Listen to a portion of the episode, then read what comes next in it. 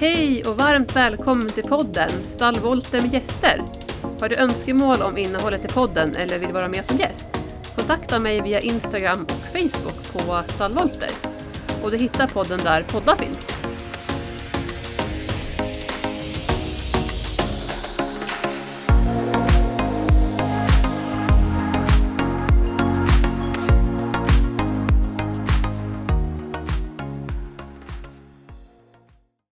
Hej Jossan!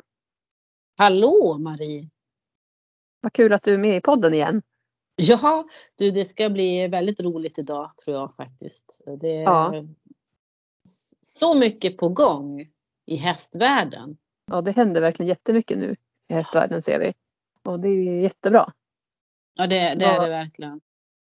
Jag, jag är ju rätt mycket ute på sociala medier. Inte så att jag kanske skriver så mycket varje gång. Men jag är ute och kollar och jag är ute på... Man kan ju på både Facebook och på Instagram och jag vet inte om det är så på TikTok, men på Facebook och på Instagram så kan man ju sätta in önskemål vilka, vilka kategorier, vilka nischer och vilka intressen man har. Och då har jag gjort det, det här är många år sedan. Och då får man ju också uppdateringar på just de där sakerna som man är intresserad och nyfiken på. Kommer ju mer upp i flödet än om man inte väljer specifika ämnen eller nischer. Har du gjort något sånt på, på dina konton? Så att du nischar in dig så att du får uppdateringar från, från de hållen där du är mer intresserad utav eller som du är mer intresserad utav. Jag skulle precis säga att jag tycker att det var ett jättebra tips. För det har jag faktiskt inte gjort. Utan däremot så kan det vara att man följer vissa taggar och sådana saker. Och sen så blir det ju mer att ja, men algoritmerna styr ju mer det man är intresserad av och det man kommenterar på. Så där när man in, ag- interagerar med varandra på sociala medier. Det är det som, som flödet liksom visar mer av. Så att, nej, det har jag faktiskt inte gjort specifikt så. Så det är ett Mm. jättebra tips tycker jag. Som, som alla som inte har gjort det kan, kan titta på. För det är ju verkligen bra liksom. För just annars så blir det här att man sitter och scrollar också. Man letar kanske inform- in, efter information och då får man ju det aktuella, det som man är intresserad av. Kommer ju Mm. överst. Så det är jättesmart. Ja, ja men jag, ty- jag tycker det. Och, Ja. och eh, så i, i mitt flöde i alla fall så ser jag att nu, nu börjar det hända saker här i Sverige. Ja, och, eh, fram, och, och även utomlands också, absolut. Det är nog lika mycket utomlands som här i Sverige. Vi, vi här i Sverige kanske är lite trögare. Samtidigt så om man tänker på att vi är nordbor här i Sverige. Vi är lite, vi har kallare klimat. Allting går lite trögare och det är helt okej faktiskt. Jämfört med andra länder där det är lite varmare, där det rappar upp så.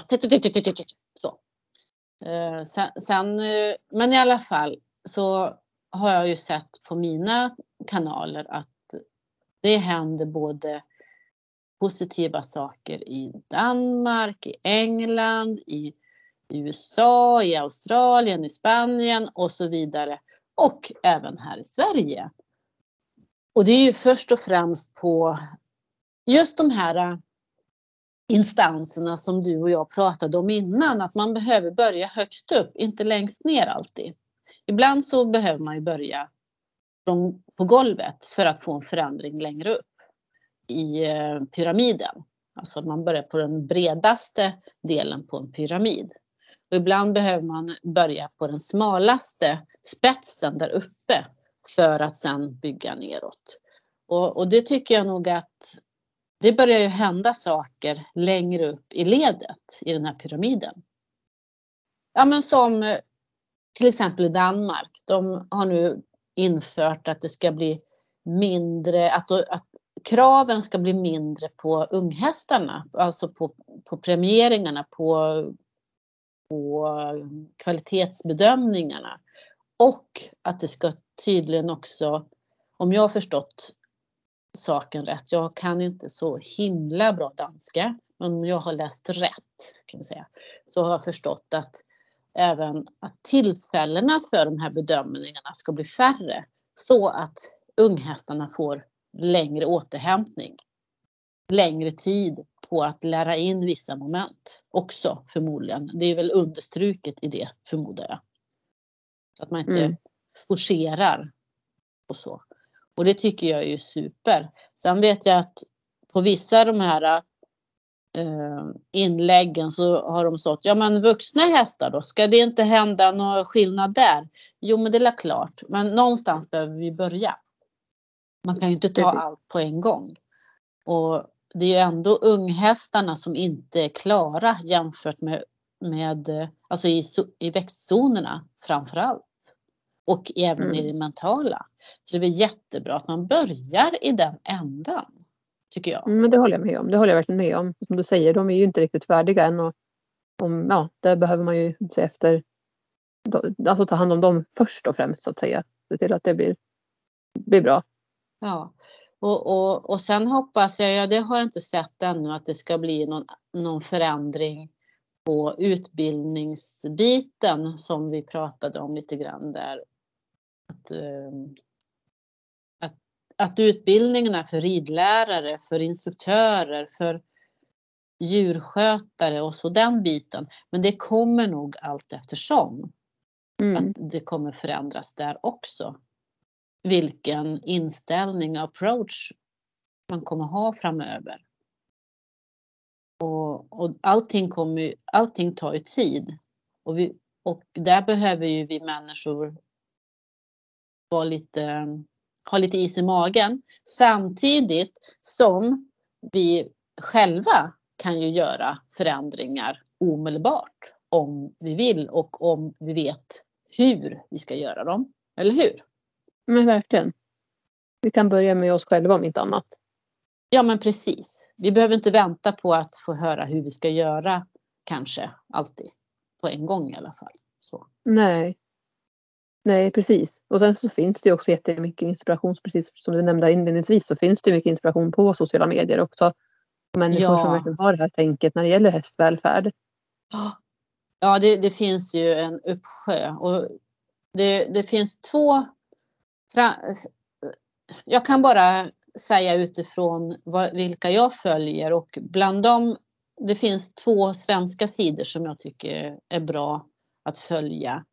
Där de lägger ut bra saker angående hästens välfärd, angående hästens eh, liv och hur man ska, vad, vad, man ska tänka på i i deras eh, environment, omgivning. Och för att den här ska må bra. Och det, det är ju två sidor. Den ena heter Hästsverige och den har ju också en, eh, en eh, hemsida som heter hästsverige.se om jag minns rätt. Mm. Och sen så finns den här andra sidan som heter Hästvälfärdsgruppen. Och den finns också på sociala medier, bland annat på Instagram och Facebook och så har de också en eh, hemsida. Och, och där, ja, och där tar de ju upp olika forskningsresultat också. Sen, sen kanske gemene man när den läser det, ja men det där visste jag redan, det var väl onödigt att de ska forska på det. Men då säger jag nej, jag tycker att det är jättebra att man forskar på så mycket som möjligt. För att så fort en forskning går igenom och får en, eh, eh, vad ska man säga, ett resultat. Oavsett om det blir åt det hållet man önskar eller om det blir åt ett annat håll. Så blir det ändå på något sätt på riktigt. Och då kan det bli lättare att driva igenom. Och mm. det kan man bara se på till exempel för många, många år sedan så gjorde de en forskning på att det är hälsosamt att gå ut i skogen. Och, alltså att du, vi människor tar en promenad ut i skogen. För att eh, vet du, granar och tallar och björkar och gra, vet det, mm, lingonris och blåbärsris och ja, hela den miljön ute i skogen är hälsosam. Den är hälsoframkallande eller hälsosams framkallande, alltså man mår bra, man får endorfiner, man får upp serotonin, man får en behaglig känsla som kan öka dopaminet. Och tack vare den, den forskningen och det resultatet så kunde plötsligt läkarna skriva ut det på recept att ta en, en, en halvtimme eller en timmes promenad varje dag. Men innan den forskningen så kunde inte läkarna göra det för då var det inte verifierat att det, var, att det verkligen var så. Så, så, så det är bra med forskning på sätt och vis.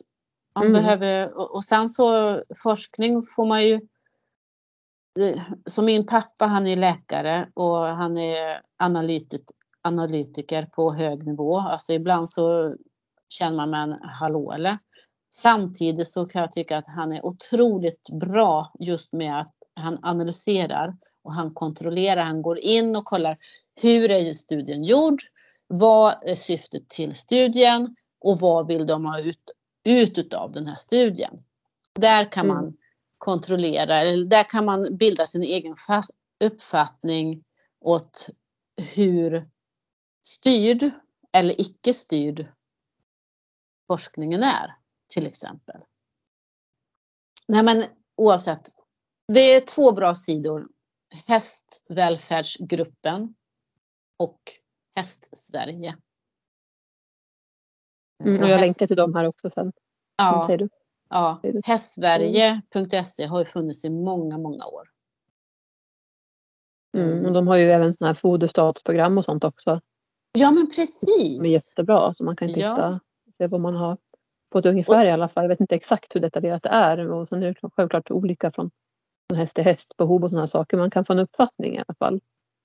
Ja, jag, tror, inte, jag tror inte att det är lika specifikt som om du tar kontakt med en foder, foderrådgivare. Men det är, det är ändå otroligt bra information och bra hjälp på traven. Mm, verkligen. Så.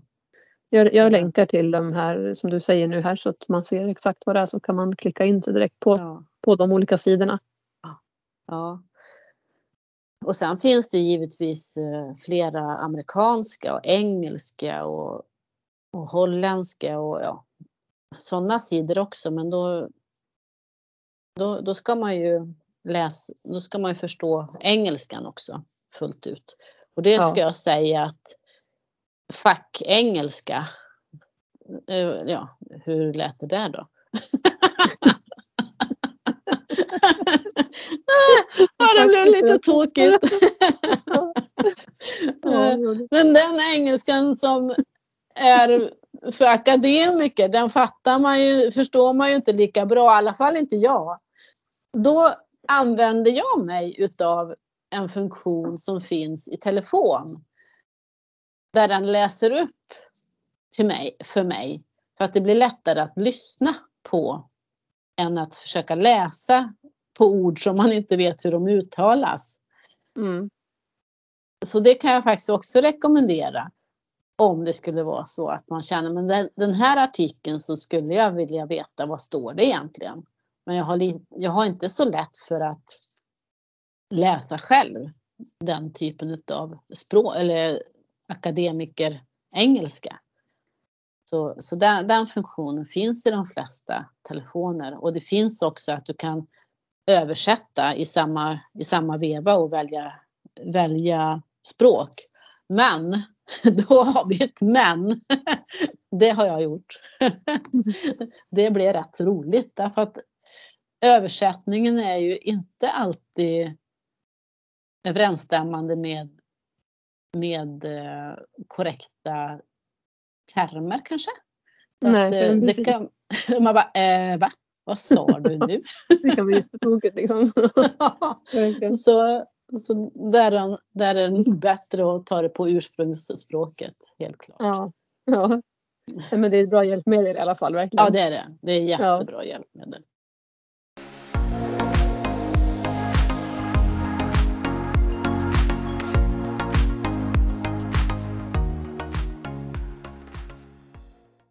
Men vad kan vi själva göra för att starta vår egen resa i förändringens, alltså hästvälfärdens eh, signum kanske man kan säga? Mm. process. Vad kan vi själva göra? Det här Ja. tror jag faktiskt många känner. Mm. Vad kan jag göra? Jag har ingen Ja. aning. Då kan man ju gå rätt ner till basic, ordentligt till basic. Vad är det för någonting häst, vad, vilka grundbehov har hästen för att kunna må bra? Jo, rent och fräscht vatten varje dag. Det är jätteviktigt. Vi ska Ja. ju själva kunna dricka hästarnas vatten. Ja men precis. Mm. Eh, jag vet eh, på många ställen så står det friskt vatten. Och vad är friskt vatten? Det kan vara precis Mm. vad som helst. Men om man tänker rent och fräscht. Vad får du för association till det, Marie? Ja, då tänker man ju det som man själv kan dricka. Alltså Ja, drickbart för oss män, Ja. människor också. Liksom. ja, men precis. Och sen så om vi går till foder. Så som, som det har ju varit rätt så det har ju inte varit så himla lätt att få tag på hö och halm förra året. Till exempel. Då, det är också en sån här grundregel eller, eller grundregel men någonting som man kan tänka på att aldrig ge eller, un, eller aldrig men undvik i största möjliga mån att ge hästarna ett dammigt, ofräscht, torftigt hö. Alltså istället ska det ju vara dammfritt. Stråna ska kännas eh, glatta, inte klibbiga. De ska vara glatta. Fodret eller höet och halmen ska kännas rent och fräscht där också. Rent och fräscht. Du ska kunna ta dig en, en tugga på ett strå utan att göra värsta minen och tycka, för fan vad det här smakar illa. Till exempel. Och det här kan vi ju faktiskt göra idag Mm. på en gång. Och, och sen om man då tänker, ja men rent och fräscht vatten. Ja, då, behöv, då behöver ju hinkarna och baljorna vara rena. Eller hur? Ja. Det räcker ju inte med att tippa ut det där vattnet och så fylla på med rent och fräscht vatten. Om baljan är skitig eller har beläggning utav gammal ingrodd eh, antingen kalk eller järn eller kopparrester. Mm, smuts, och sådär från när hästarna dricker. De kanske sölar ner med matrester och grejer och det kan komma i jord och, och grejer liksom. Det samlas Ja, på botten. Och, Ja, och på precis. sommaren blir det ju också som du säger, blir ju, det kan ju bli alger och sånt i botten också. Och det går ganska fort. Ja, på som, ja men precis. Och på sommaren då, då ska man ju, alltså då bör man byta vatten varje dag. Mm. och göra rent baljan varje dag. Men jag kan förstå att vissa känner, men herregud vilken slöseri på vatten jag måste göra då. Nej, det behöver du inte egentligen. För om, om man räknar ut på ett ungefär hur mycket vatten hästarna dricker och ser till att hålla tiderna för att fylla på. Då behöver man aldrig vara rädd för att de är utan vatten. Nej. Nej, men så gör faktiskt vi här hemma också. Mm. Så vi fyller på nytt och då har jag alltid diskborstar vid hästarnas vattenbaljor så att man kan skura ur dem. Och, och däremellan också så skurar man ju ur dem, inte bara med, med själva diskborsten. Liksom. Men det är i alla fall en bra grund att diska ur baljan varje gång man fyller på nytt. Ja, Att liksom, ja, diska ur den med själva borsten om inte annat så att man får bort beläggningen och sköljer rent den så. Ja, ja, ja men precis. Och bara de två detaljerna som vi har pratat om nu gör en otroligt stor förändring för hästen. Mm. Faktiskt. Mer än vad vi kanske tror. Men Ja. det, gör, det, blir, det blir mycket för att det påverkar ju mag och tarmbalans. Det påverkar bakteriefloran. Det på, på, påverkar matsmältningen. Det påverkar upptaget utav näringen också. Mm. Och det på, påverkar hälsotillstånden. Så Och man kan ju gå till, man kan ju gå till sig själv. Om man tänker hur man själv skulle äta och dricka så skulle man ju själv inte vilja dricka ut smutsigt glas. Eh, ett glas vatten som man kanske stått i flera dagar och dessutom blivit en beläggning på. Kanske Mm. med matrester på eller vad det nu kan vara från flera dagar tillbaka. Och likadant också maten. Om vi skulle Mm. äta någonting som är mögligt eller vad det kan vara. Så det är egentligen samma sak. Bara för att det är Ja. stora hästar som väger mycket eh, och lever ute i naturen så betyder inte det att de är egentligen mer tåliga på ett sätt än vad vi är. Men om vi ska säga tåliga då så är vi mer tåliga för skitmat och för Mm. lite halvgammal mat än vad, djur, Mm. än vad hästarna har. Mm. Att deras tarm och magsystem kan inte bryta ner alltså en, en dål, ett dåligt foder eh, utan att mag och tarmbalansen blir störd. Nej. Och, och eh, jag har ju hört flera gånger som folk har sagt, ja men hästarna går ju och dricker i vattenpölar och i, i bäckar och så här. Och, ja, Mm. jo, det må hända. Men, men då, har de, då känner ju de av om det här är okej vatten eller inte. I våra vattenbaljer så har de ingen eh, möjlighet att sortera. Nej. Så. Men precis, de har inget val där utan de måste dricka det vattnet som de har där. Ja, liksom. och de måste Mm. äta den maten vi ger dem. Och det har jag också hört att ja, men min häst eh, den äter ju detta, det är väl inga problem. När man får en möjlighet att äta något annat då? Nej, det är det här vi har. Ja, men då, är, då har ju det med överlevnad att göra. Den behöver ju Mm. tugga för att mage och tarm ska funka och för att hela systemet ska må bra. Precis. Så, så, så, så det kan vi ju faktiskt börja med omgående. Det här med höet. Det är ju också otroligt viktigt vart vi lägger höet ute i hagarna och hur vi placerar höet in i boxarna eller hänger upp höet i hönäten. Det är också väldigt viktigt att tänka på att där behöver det vara torrt och rent. Fritt från gammalt bös. Fritt från geggamoja. Fritt från bajs. Och sen många gånger har jag sett att när man sopar sin gång, alltså stallgången, så sopar man med samma sopborst, om vi säger att man har fodrat ut hästarna med, med kvällshöt. Man har varit lite slarvig med så har man tagit höet i omfång i famnen. Så, så kommer ju rätt mycket hö nersläpa eller nertappande på stallgången.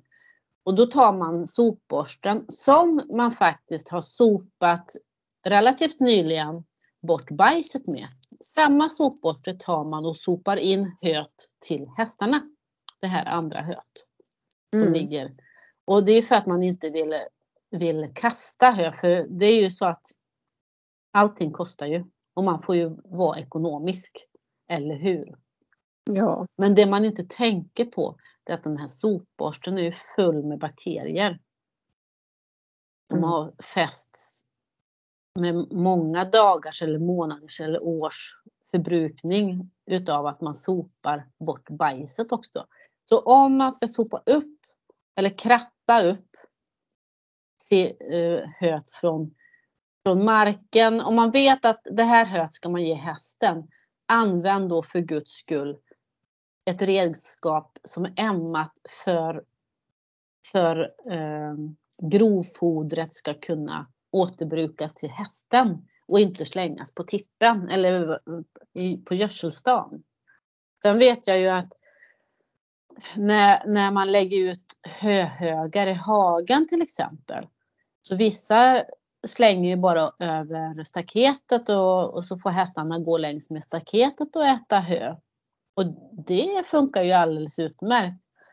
Men det funkar mindre bra om det ligger bajs under höet. Eller att man slänger ut höet i geggamojan. Mm. Det är inget bra det heller. Så att det är väldigt viktigt att man vet att man har förberett bra foderplatser. Och det är lika om vi har upphängda hönät. Att man är noga med att i alla fall några gånger i veckan kratta bort det överblivna höet som ligger där nedanför. För den dagen det inte finns något hö och hästen känner ett tuggbehov så kommer den att ta det där mögliga, geggiga höet för att få för att få det tillgodosett, tuggbehovet. Mm. Och då göder vi ju med, med dåligt foder. Även om det kanske inte är mycket så är i alla fall det så pass så att mag och tarmsystem blir, får sig en käftsmäll. Och det är Mm. onödigt. Och så går vi och köper probiotika och prebiotika istället för att tänka på hygienen som vi har, som vi, som hästen har runt omkring sig 24-7. Och det, det är likadant med eh, krubborna. Att man är noga med att, att diska ur dem med jämna mellanrum om man har krubbor. Och, även vattenkoppar. Så, så det, allt sånt där kan ju faktiskt spara pengar i längden. Mm, Istället för, jättebra. ja, Mm. istället för det här med prebiotika prob, preb och probiotika. Visst, det är jättebra och, och ger det vid behov, absolut. Men det är många som ger det konstant för att hästen är halvkass i magen. Men tänker inte på att de här bitarna har jag inte riktigt sett över. Och, och Mm. eh, de här stora lös, vet du det, storbals, storbalarna som man kör ut i hagen och ställer på backen. Det är också otroligt viktigt att se till att det är en torr plats. Nu på vintern kanske det är mindre lätt att göra det. Men då kan man ha kvar plasten i botten så att den inte står på backen i alla fall. Mm. Till exempel. Och att man gör rent efter varje bal. Så man inte tvingar hästen äta upp skräpet. Ifall nu det skulle vara mindre bra partier i en bal som man inte riktigt ser eftersom man tar ut hela balen i hagen. Man kan ju inte ta isär hela balen och granska den kanske. Det kan man ju inte begära att folk ska göra. Men, men hästarna är ju otroligt duktiga på att pilla ut det som är dåligt och det är det som oftast blir kvar. Men om man då tvingar hästen att äta upp så att det är soprent, då tvingar man också hästen att äta det som är dåligt. Mm. Jättebra, jättebra tankar. Mm. Så, så mycket kan vi göra själv, Mm. här och nu på en gång.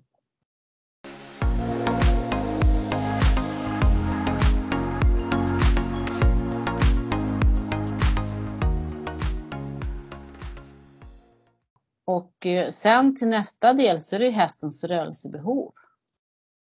Det kan vi också tillgodose så mycket som möjligt.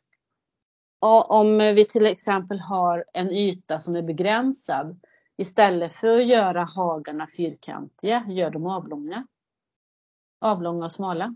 Då får de möjlighet att springa och galoppera. Till exempel. Precis. Men vi gärna vill ha fyrkantigt för det är snyggt. Men hästen får inte riktigt möjlighet för utloppet att dra en repa rakt fram. Som den egentligen borde, som, som, som de har behovet av att göra. Och, och sen är det ju kompisar då. Det är jätteviktigt för hästarna. Det sociala. Det kan vi också göra. Det kan vi också göra redan idag. Vi behöver inte vänta på att någon säger till oss att vi måste. Eller hur? Nej men verkligen. De behöver ju just det här att man kan tänka då att ja men de har ju sina hagkompisar så det går bra att min häst är själv. Men då är frågan verkligen, är det så? Och jag skulle våga säga att nej, de behöver närkontakten med en annan häst. Mm. De behöver Ja. kunna klia varandra och putsa på varandra och så vidare. Mm. Och gnabbas. Mm. Och racea. Sen kan jag förstå att vi är rädda om våra hästar, att vi inte vill att de blir skadade och så. Men då behöver vi socialisera dem. För att Mm. oftast när det blir, blir sådana här grejer, antingen så är hästarna inte socialiserade tillräckligt bra. Eller så är de på för trånga ytor så att de blir in, så att det händer skador på grund av det. Så om de Precis. har tillräckligt med ytor så då, då blir det oftast inte skador. Nej, och sen kan det ju också vara att man behöver sätta ihop hästar som passar bättre med varandra. För vissa hästar passar ju inte lika bra med varandra som vissa andra skulle kunna göra. Nej det men kan ju också vara en precis. grej att se över att hmm, vilka hästar funkar bäst här? Kan jag släppa ihop de två istället? Ja. Och ibland ja, men... kanske man inte har alternativet. Eh, men då får man försöka ändå se om man kan hitta en lösning på det. Mm. Då kan det ju vara så att de kan stå jämte varandra i boxarna och, och, och utan galler. Inte vet jag. Mm. Alltså det mm. finns ju andra möjligheter. Och, och just det här, det här som du säger att, bara att man matchar, matchar ihop rätt häst med rätt häst. Det är ju superviktigt. Istället mm. för att säga, om vi bara leker med tanken att du och jag har häst tillsammans och eh, plötsligt så tycker inte jag om dig längre och därför så vill inte jag att min häst går ihop med din häst. Även om de är bästa kompisar så tycker mm. jag att nej men det, jag vill inte att min häst går ihop med din häst bara för att jag är sur på dig. Det behöver vi människor lägga, lägga bort och tänka på hästens bästa, inte på vårat bästa. Verkligen. Jag kan ta ett exempel på det där. Mm. Eh, när, eh, ja, men när jag köpte Abbe till exempel för tre mm. år sedan drygt från Spanien. Han var ju inte supervan att gå med andra hästar från att han blev inriden. Mm. Så att han kunde inte riktigt den här sociala koden speciellt bra. Eh, så han fick stå bredvid Herman i boxen till en början. Och sen fick han gå i en egen hage för han skulle också vänja sig att gå i hage för det var han mm. inte heller så van med. Han hade gått Nej. på unghäst, ja, unghästflock när han var, när han var liten. Eh, men red tyngd då ganska tidigt tyvärr. Ja. Eh, och kom till mig när han var fem. Eh, han var tre och ett halvt när han började ridas in. Så att, han kunde liksom inte den sociala koden och han var inte van att gå i hage och han drog en repa i den här lilla hagen så fort det var någonting som var läskigt. Till exempel när det kom en hare och sprang förbi vet jag så sprang han liksom tvärs över hela hagen. Och då kände jag ja. att då var det inte safe att ha honom med de andra hästarna. Då fick han vara i boxen liksom, på nätterna och sen med Herman bredvid sig och Gingis en ja. bit bort och sådär. Sen så mm. ja, ändrade vi det så småningom. Liksom, han blev mer trygg och så där, kunde vara ute lite längre tider. Och sen så släppte jag också ihop Herman med honom. Men det visade sig att Gingis och eh, Abbe funkade inte något vidare alls med varandra. Så jag fick ju sära på dem. Och sen så köpte jag ju King då. Mm. Och då var egentligen min första tanke att han skulle gå tillsammans med, med min lilla Gingis då för att de båda var båda små liksom, små mm. hästar. Eh, men det funkade inte heller. Gingis tyckte inte heller om King. Så mm. att, eh, lösningen där var ju då att släppa in lilla King, amerikansk miniatyr, ett år hingst mm. med Abbe. Ja. Eh, och det funkade hur bra som helst. Det var liksom inga konstigheter alls. Det funkade bra från första stunden. Och de liksom verkligen matchade varandra. Mm. Och det kan man också se att man kan ha fel också. Mm. Jag trodde verkligen att Abbe han fixar inte gå med andra hästar. Ja, Herman funkar ju bra med men jag tänkte att det var för att Herman var och liksom kunde tala om att nu så här ska det vara och sen mm. lugna trygg i sig själv. Mm. Eh, men, men så jag var ju lite, lite rädd att släppa ihop lilla King med Abbe men jag tänkte att jag måste testa. Mm. det är det alternativet jag har nu, mina fyra hästar. Så, och det gick jättebra. Så att, ja, det kanske inte alltid vågar chansa heller men just det här att man ska ändå det som man själv tror inte alltid det som behöver vara det som fungerar. Nej, mm. vi kan ju se saker. Vi ser ju ofta saker utifrån människans sätt att tänka och analysera. Mm. Men vi, vi har mindre lätt för att se utifrån hästens perspektiv vad det handlar om egentligen. Mm. Så där behöver, som du säger, behöver man ju backa tillbaka och tänka en vända till. Och ja. som vi har pratat om innan, vi ska göra ett avsnitt just om det här med att undvika sätta djur i fack. Så, så det, det, är ju himla lätt att göra det. Att, ja, men min häst kan inte gå ihop med någon annan för att det inte funkat. Det, mm. det, kan ju bara vara så enkelt att den har inte hittat sin, sin soul eller själsfrände ännu. Ja, precis. Eller att den inte är mogen. Den har inte blivit socialiserad. Jag har ju varit med och socialiserat hästar, både ston och vallackar och hingstar som inte har funkat att gå med andra hästar till att faktiskt kunna gå med andra hästar. Och det handlar om att man får träna dem att träna sitt eget hästspråk. Att de, de har blivit så mänskliga, om vi, förstår du vad jag menar då? Ja. Eh, inpräntas för mycket eh, utav det mänskliga sociala arvet istället för de djur, det djuriska sociala arvet för att vi har plockat bort så otroligt mycket från dem. Och, och därav inte riktigt förstår vad är det som hur, hur ska jag göra här nu då? Så. Mm. Och då finns det jättebra övningar som man kan träna de här hästarna med att börja funka mer som en häst. Alltså det är back to basic, man går tillbaka och plockar fram beteendena, alltså de naturliga hästbeteendena. Deras in, inprogrammerade reaktioner. Vad, he, vad heter det? Herregud, hjälp mig Marie. Instinkter tänker du? Ja eller? men tack. Mm. Precis, tack. Väcka upp det igen. För det, finns ju där. Det är ju som Mm. vi har våra instinkter också. Dock är de också rätt så mycket nergrävda och eh, nerkläggade utav många lager utav annan skit som man får plocka bort. Och det är samma sak med de här hästarna. Man får plocka bort lager efter lager. Så man kommer tillba tillbaka till den innersta kärnan och så blomma upp där. Sen kan det vara läskigt för hästmänniskan då. För att hästen i fråga blir lite annorlunda. Den reagerar lite annorlunda mot vad den har gjort innan. För plötsligt så är den inte en människohäst, den är en hästhäst. Mm. På både gott och ont. Mm. Men hästen mår oftast mycket bättre utav det. Magsåren försvinner och så vidare.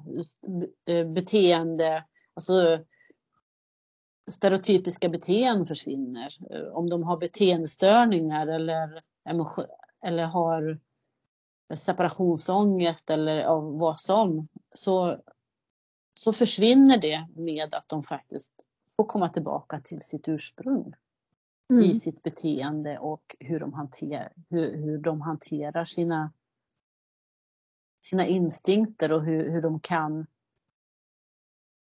lära sig att acceptera att vissa saker, ja det känns så här men jag behöver inte reagera på det så kraftigt som jag skulle göra, eller jag gör just nu för att jag har ingen aning vad den här instinkten är till för egentligen.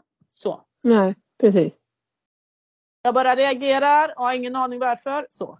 Och det, Mm. jag, har, jag har en hund. Eh, Jag har ju två hundar. Varav en har väldigt mycket instinkter. Eh, Hon har ju levt på, på gatan sitt första levnadsår. Så det är mycket, jag, jag säger det är ingen tamhund. Det är en, alltså det, det är ja, ingen tamhund på det sättet att hon funkar inte som en tamhundar bör göra. Eller som de flesta tamhundar gör. Och sen har jag eh, en eh, liten skrutt och hon, hon är också hittehund fast hon, har, hon hittades när hon var bara några dagar gammal så hon har bott i fångenskap hela sitt liv. Och sen fem dagars gam, gammal liten skruttvalp. Så hon är ju mer en tamhund. Och Mm. hon har ju programmerats mer utav människans hand än vad den andra som har levt sitt första levnadsår ute på gatan. Mm. Som har fått klara sig själv och, och, och liksom verkligen eh, överleva på det sätt som hon utifrån en hund. Så. Och eh, hon, hon kan ju se, reagerar som en hund, alltså ja, som en hunds, i- enligt hundsinstinkter som inte är tamhund då.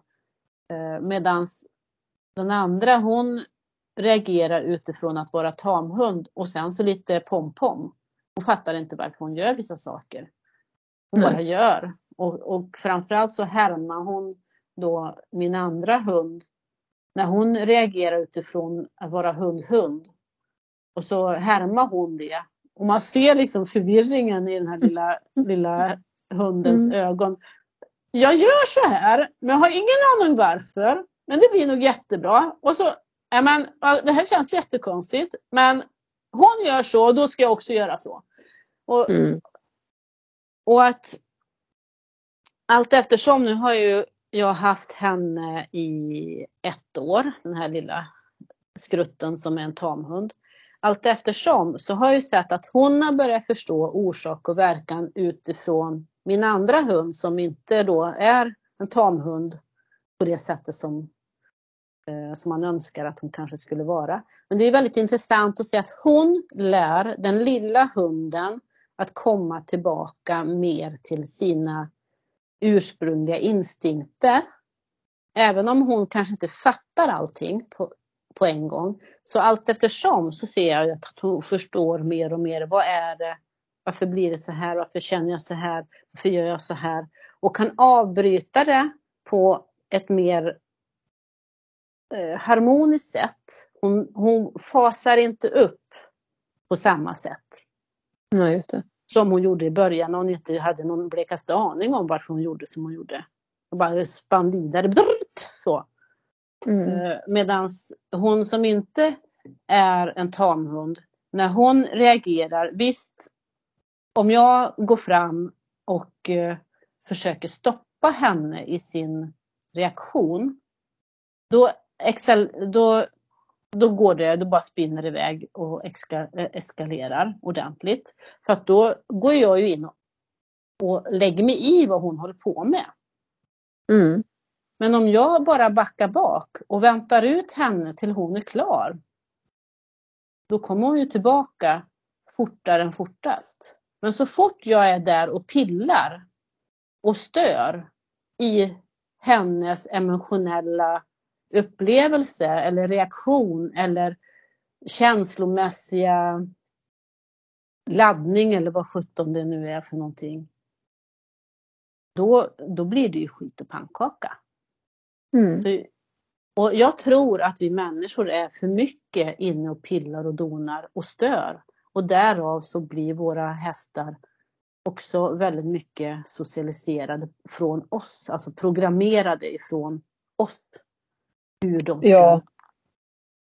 agera Mm. och, age- och reagera för att passa Alla, in oss. alla gånger är det nog så.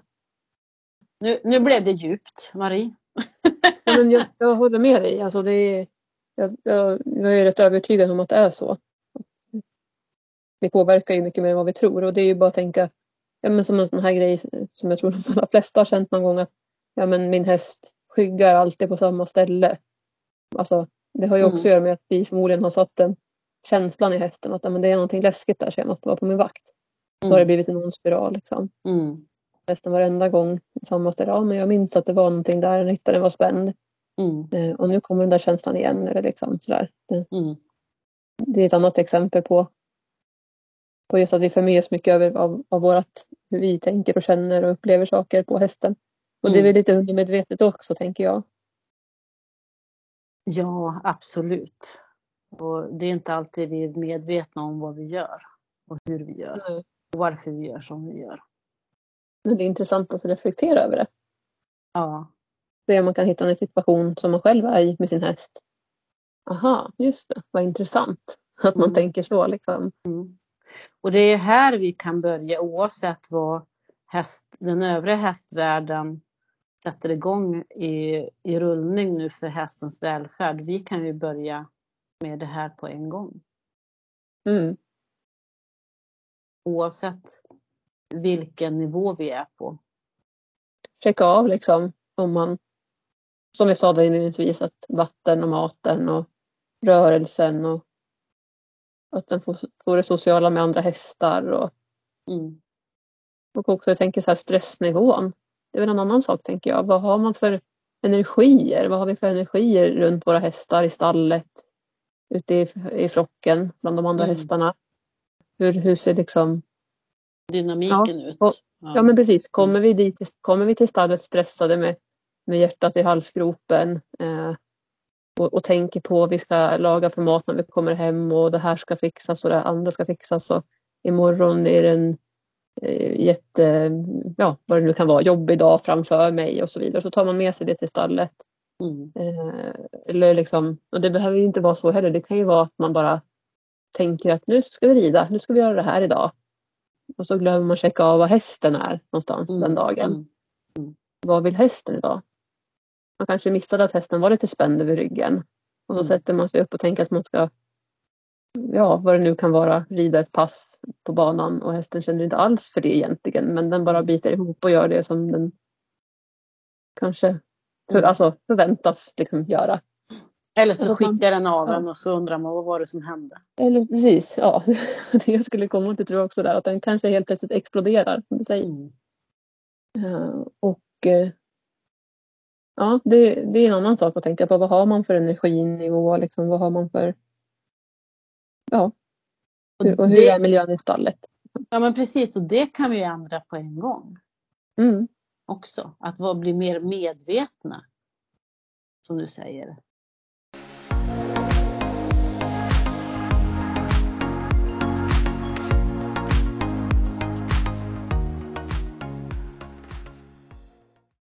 Hur många hästar eller djur tror du mår under, eller omedvetet ifrån oss, eller omedvetet, men hur många djur tror du mår dåligt på grund utav att vi mår dåligt?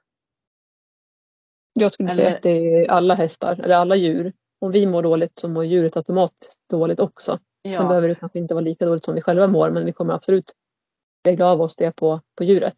Det, ja. det är jag på. Absolut, för det, det, det märker, alltså de tillfällen jag har varit sjuk till exempel, eller vi bara tar till exempel när min mamma gick bort. Det Mm. var jättejobbigt, alltså första året var fruktansvärt. Och det märkte jag ju på min hund, då hade jag bara en hund. Eh, märkte jag på henne, hon var så överbeskyddande. Ingen fick komma nära mig. Det var, jag var hennes, hon skulle ta hand om mig. Och det är ju inte hälsosamt att hon ska ta hand om mig egentligen.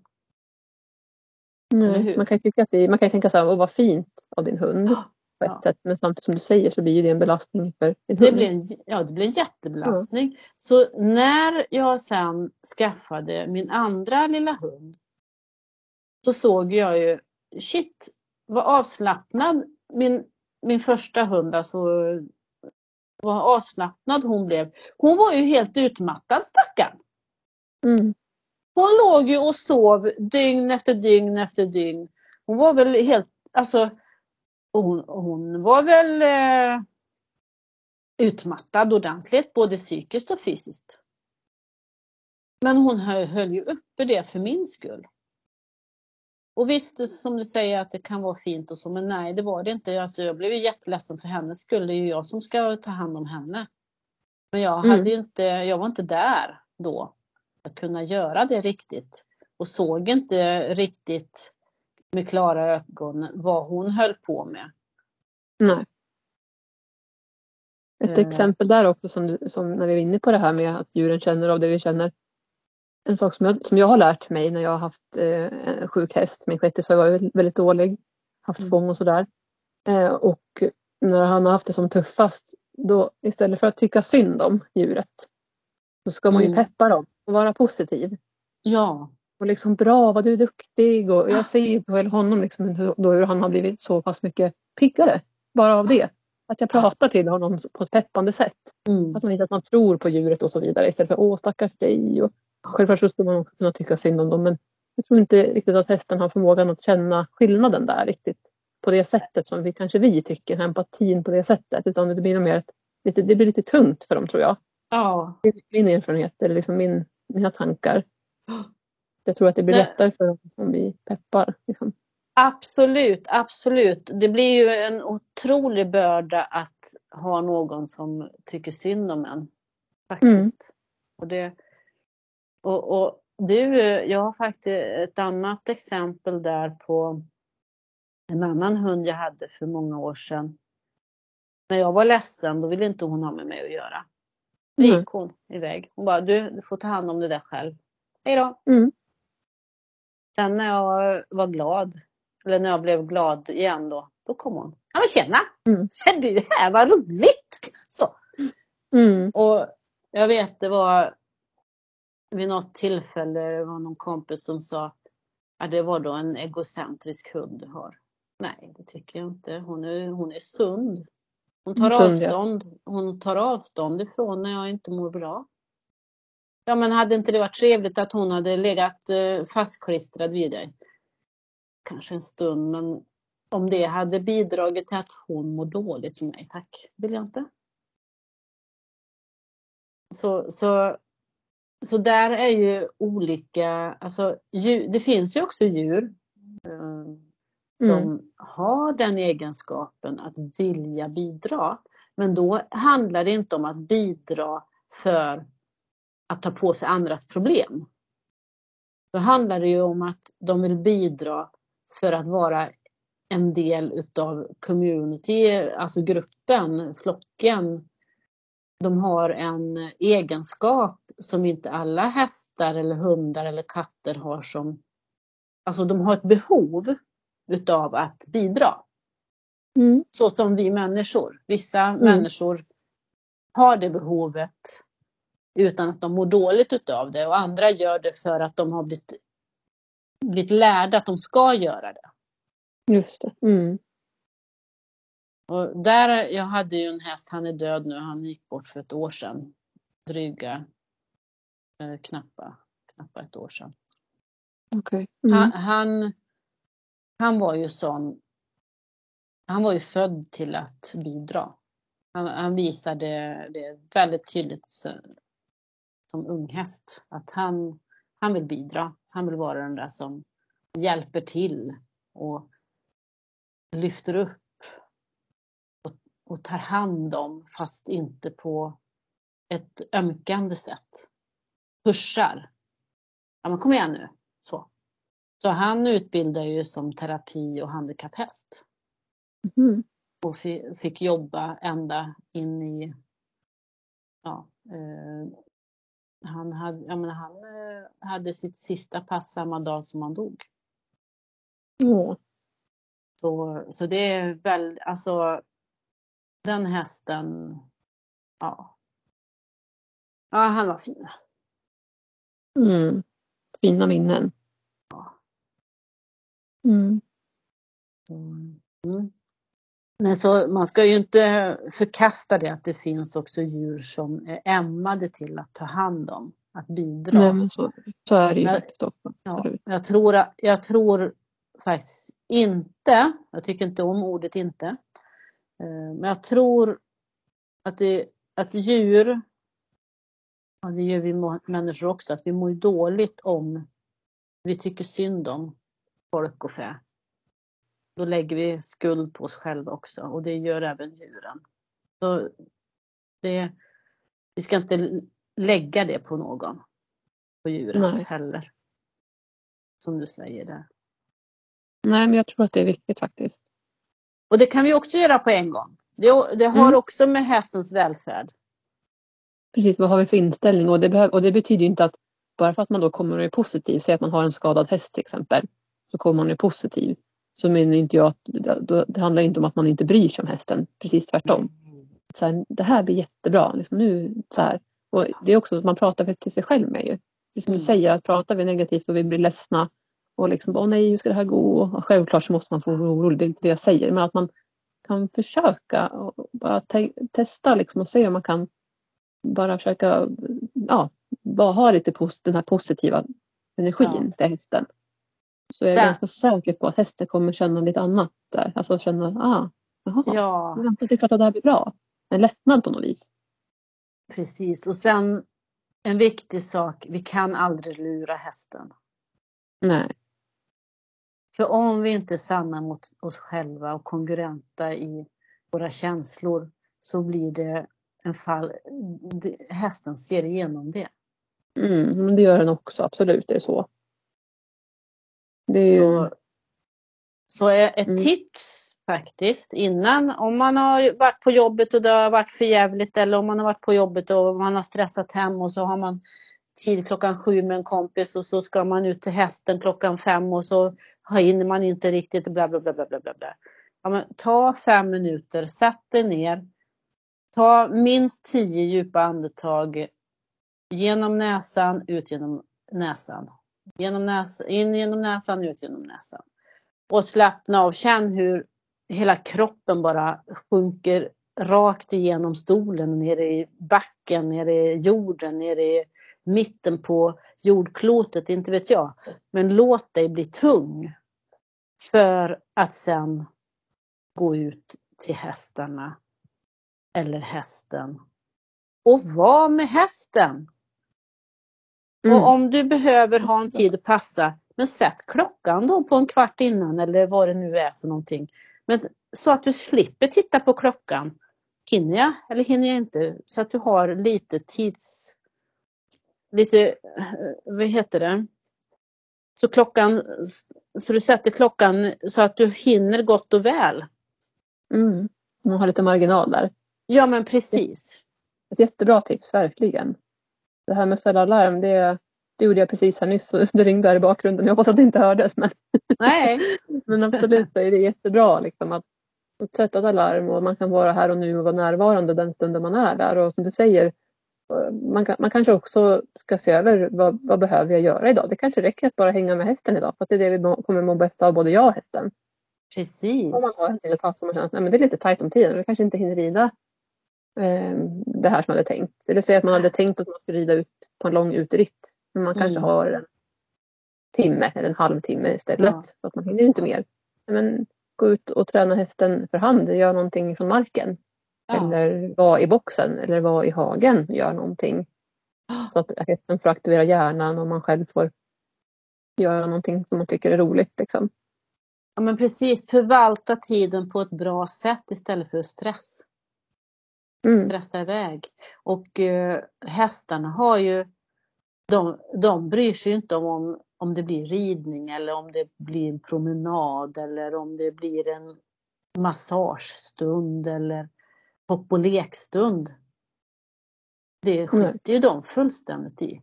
Men det de bryr sig om, det är ju kvaliteten. Mm. Faktiskt. Att vi är här och nu, att vi är närvarande.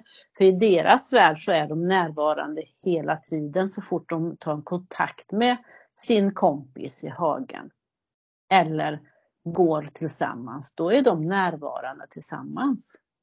Mm. Det är inte så att de går och tänker på, ja men du klockan fem så ska vi gå in. Nu är klockan tre, det är två timmar, det är 120 minuter kvar tills vi ska gå in. Det, det, det är inte riktigt så. Nej. De är, men nu går vi tillsammans och vi går dit. Oj, de nu var det en sten i vägen. Vi får nog hoppa över den eller något. ja, men de är ju verkligen här och nu. Liksom. De ja. har ju inte den som vi, vi tänker framåt. Mm. De är här och nu och gör det som känns rätt för stunden. Så ja. verkligen som du säger att kvaliteten är jätteviktig. Mm. Och att, de, att det de gör, att det blir en positiv upplevelse. Mm.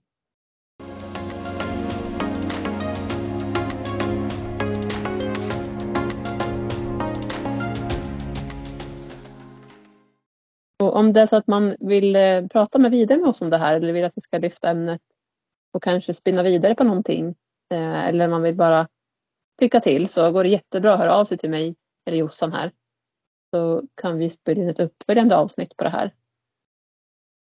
Ja, men precis. Det, det, skulle vara otroligt roligt om ni skriver in eh, några frågor som vi skulle kunna lyfta ännu mer. Eller hur? Det skulle vara jätte, jättekul. Ja.